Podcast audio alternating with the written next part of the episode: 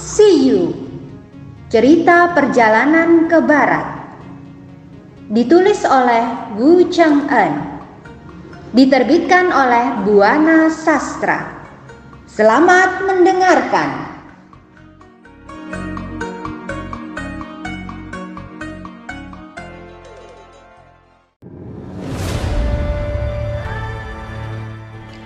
Sesudah itu masuklah mereka. Sampai di dalam, samar-samar Paci dapat mendengar Sun Wukong yang sedang mengisahkan pengalamannya kepada Sao Wuching. Kukira sekarang si babi sedang dikeroyok orang banyak, kata Wukong sambil tertawa. Mendengar hal itu, bukan main marahnya Paci. Dengan geram, ia menerobos masuk sambil marah-marah. Hei, bagus betul perbuatanmu, teriak Paci. Kau telah mengkhianati aku. Mau mampus ya kau. Melihat Paci datang sambil marah-marah, tiba-tiba Wukong tertawa. Eh, rupanya kau bisa pulang juga. Tadi sehabis belanja, aku mencari-carimu. Tapi kau tak ada. Memangnya kau pergi ke mana? Kata Wukong berpura-pura. Eh, kera, jangan berlagak bodoh berpura-pura tak tahu apa-apa. Betul kan kau yang mencabut pengumuman raja? Kata Paci jengkel. Siapa bilang aku yang menurunkan pengumuman raja? Kata Wukong menyangkal. Kau jangan menyangkal. Tadi pun aku sudah mendengar semua pembicaraanmu dengan Wucing. Kalau kau tak percaya, ini saksinya. Kata Paci kesal sambil menunjuk pelayan dan pengawal kerajaan. Melihat Sun Wukong dengan serempak para pengawal dan pelayan itu masuk. Sesudah itu mereka segera memberi hormat. Tuan Sun, sudahlah. Kami harap kau jangan mempermainkan adikmu. Kami dengar kau pandai mengobati orang sakit. Sekarang raja kami sedang sakit. Karena itu, tolong obati raja kami. Kalau kau berhasil mengobatinya, separuh dari kerajaan ini akan jadi milikmu, kata pengawal kerajaan. Mendengar permintaan mereka, Wukong jadi nyengir sendiri. Sesudah itu, diambilnya surat pengumuman itu dari pelayan tua. Jadi, kalian yang menjaga pengumuman ini, kata Wukong. Benar, mereka para pengawal dan aku petugas di dalam istana, kata si pelayan tua. Adikku benar, kata Wukong sambil menunjuk pada Paci. Sebenarnya akulah yang mencabut surat ini. Semua kulakukan dengan sengaja, agar adikku ini mengantarkan kalian kemari. Aku pun bersedia mengobati raja kalian, asalkan raja kalian mau datang ke sini, kata Wukong. Mendengar kata-kata Wukong, tentu saja pengawal dan pelayan ini kaget. Mereka pun saling pandang keheranan, kemudian mereka berunding. Kalau dia berani berbicara begitu, kurasa dia pasti dia orang sakti. Kalau begitu, kita bagi dua saja tugas kita. Kalian yang pergi melapor pada raja, sedangkan sebagian tinggal di sini. Bagaimana? Apakah kalian setuju? Kata pelayan.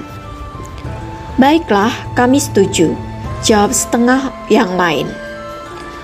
Kemudian rombongan itu dibagi dua. Sebagian tetap menunggu, sedang yang lainnya segera pergi ke istana untuk melapor pada raja. Setiba pengawal itu di istana, saat itu raja sedang bersantap bersama Tang Sangcang. Waktu raja mendengar laporan pengawal yang mengatakan bahwa ada orang yang bisa menyembuhkan penyakitnya, tentu saja ia girang bukan main. Guru, sebenarnya berapa orang muridmu? Tanya raja pada Tang Sangcang. Tiga orang tuanku, jawab Sanjang. Kalau begitu, Murid yang mana pandai mengobati orang sakit? Tanya raja lagi. Mendengar pertanyaan raja, bukan main kagetnya Sancang.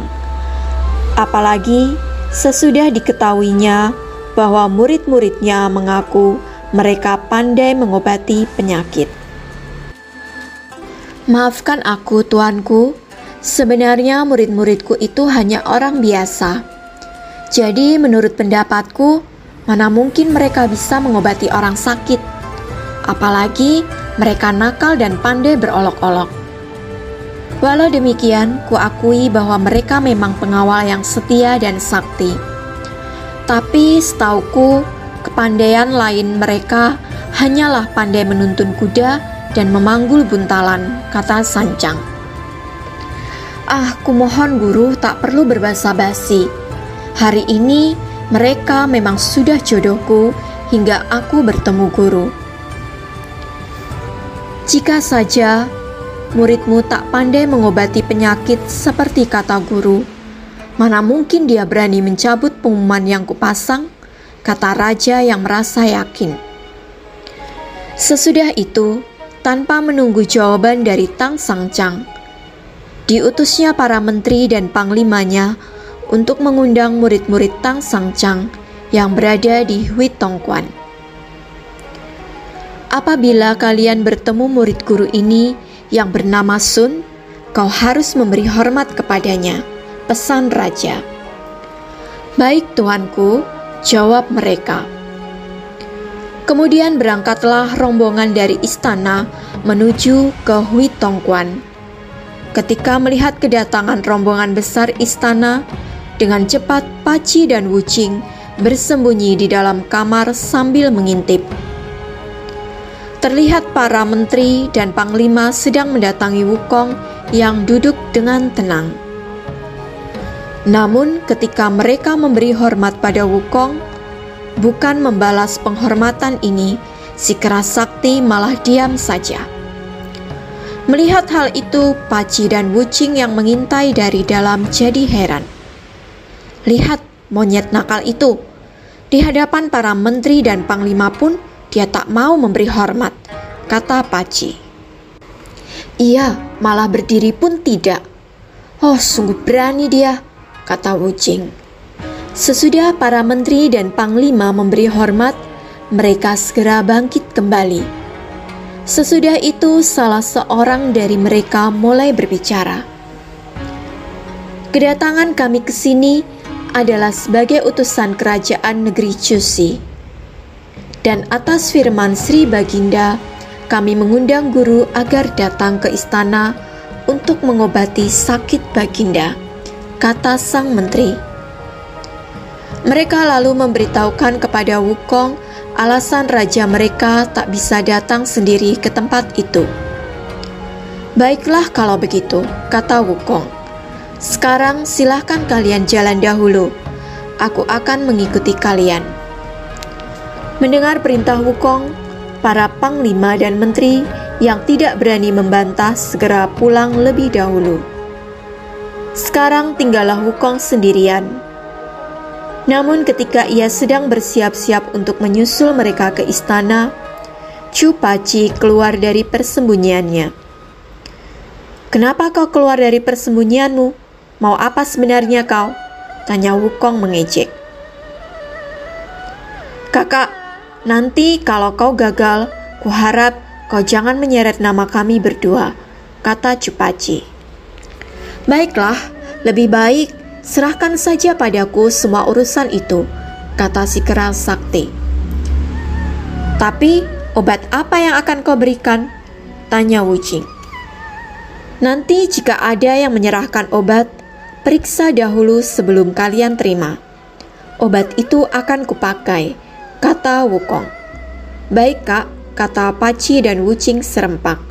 Kalau begitu, kalian ikut aku. Berangkatlah Wukong dan kedua saudaranya mengikuti para pengawal dan menteri menuju istana. Sampai di istana mereka langsung menghadap raja. Mana yang bernama Guru Sun? Tanya raja setelah menerima mereka. Wukong maju lalu memberi hormat. Aku yang bernama Wukong, jawab Wukong. Namun begitu raja mendengar suara Wukong yang amat keras, Dalam sekejap, raja terjatuh dari pembaringannya. Rupanya raja kaget ketika mendengar suara Wukong yang dianggapnya menggelegar itu. Apalagi ketika ia melihat wajah Sun Wukong yang galak dan menyeramkan. Melihat rajanya terjatuh dari pembaringan, para pelayan wanita segera membangunkan rajanya. Kemudian raja dibawa ke kamarnya. Sampai di dalam, raja itu berkata dengan suara perlahan, "Oh, sungguh kaget sekali aku." Raja mengusap-usap dadanya. Mendengar kata-kata raja, sudah tentu para panglima dan menteri sangat menyesal atas kedatangan tamu-tamunya. Walaupun mereka tak berani bertindak apa-apa. Ah, aku amat heran. Kenapa biksu tolol itu berani menurunkan pengumuman raja? Kalau kuperhatikan, dia tak bisa apa-apa, kata menteri. Mendengar hal itu, tiba-tiba Sun Wukong tertawa. Kalian salah kalau menganggapku bodoh. Kalau saja tadi aku tak berbuat kasar terhadap raja kalian, percayalah, Sampai seribu tahun pun raja kalian tak akan kunjung sembuh, kata Wukong. Kau aneh. Mana ada umur manusia sampai seribu tahun, kata menteri itu. Ketahuilah oleh kalian, raja kalian memang raja penyakitan. Jadi, jika dia mati, dia tentu saja akan menjadi setan penyakit. Karena itu, jika dia terlahir kembali ke bumi, dia akan tetap menjadi orang sakit. Selama seribu tahun pun, dia tak akan kunjung sembuh, kata Wukong. Mendengar ucapan Sun Wukong yang ceroboh, bukan main marahnya para menteri dan panglima. Hai biksu, kenapa kau berucap sembarangan begitu? Kau pun tak tahu adat, kata menteri itu. Wukong tertawa lebih kencang. Aku tidak sembarangan, kata Wukong. Kalau kalian tidak percaya, coba saja kalian tanyakan pada tabib istana, kata Wukong akhirnya. Ketika para menteri menanyakan hal itu, ternyata tabib istana membenarkan kata-kata Wukong. Kalau begitu, dia benar-benar tahu ilmu pengobatan dan tabib, kata mereka setelah mendengar jawaban tabib istana. Jika raja tak mau menemuiku, itu tak jadi soal. Sebab aku pun bisa memeriksanya dari jarak jauh lewat tali sutra. Dengan demikian aku bisa mengobati raja, kata Wukong. Mendengar kata-kata Wukong, tentu saja semua menteri dan panglima kerajaan gembira sekali. Namun ketika raja diberitahu tentang hal itu, beliau bingung. Heran sungguh, Padahal sudah tiga tahun lamanya aku sakit. Apalagi tabib yang kuundang sudah banyak. Tapi kenapa baru kali ini ada tabib yang begini aneh? Kalau begitu, biar kuundang dia masuk, kata raja. Raja lalu menyuruh seorang pelayan untuk memanggil Wukong. Wukong pun segera mengikuti pelayan itu masuk ke kamar istirahat sang raja. Begitu melewati sancang, si keras sakti ditegur oleh gurunya. Apakah kau mau mencelakai aku? kata Sancang. Tenang guru, aku justru akan mengangkat derajat kita, kata Wukong. Tapi sebelumnya, bukankah kau tak pernah mengobati orang sakit? Kata Sanjang. Jadi, mana mungkin kau bisa menyembuhkan raja itu? Lagi pula, dari mana kau tahu soal obat? Ah, rupanya guru belum tahu. Aku kan punya obat mujarab yang bisa menyembuhkan orang sakit, kata Wukong lalu tertawa. Lebih baik guru duduk saja dengan tenang. Nanti guru pun akan tahu caraku mengobati raja. Kau jangan berulah ya Wukong. Lalu apa pula artinya benang sutra yang kau katakan tadi? Kata Sanjang. Oh, barang itu punya aku guru. Mana buktinya? Melihat gurunya tidak yakin, Wukong lalu mencabut tiga helai rambut tubuhnya. Sesudah itu diciptakannya tiga helai benang sutra yang panjang.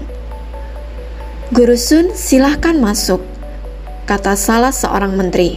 Wukong yang memberi hormat pada gurunya terlebih dahulu, kemudian masuk ke kamar raja.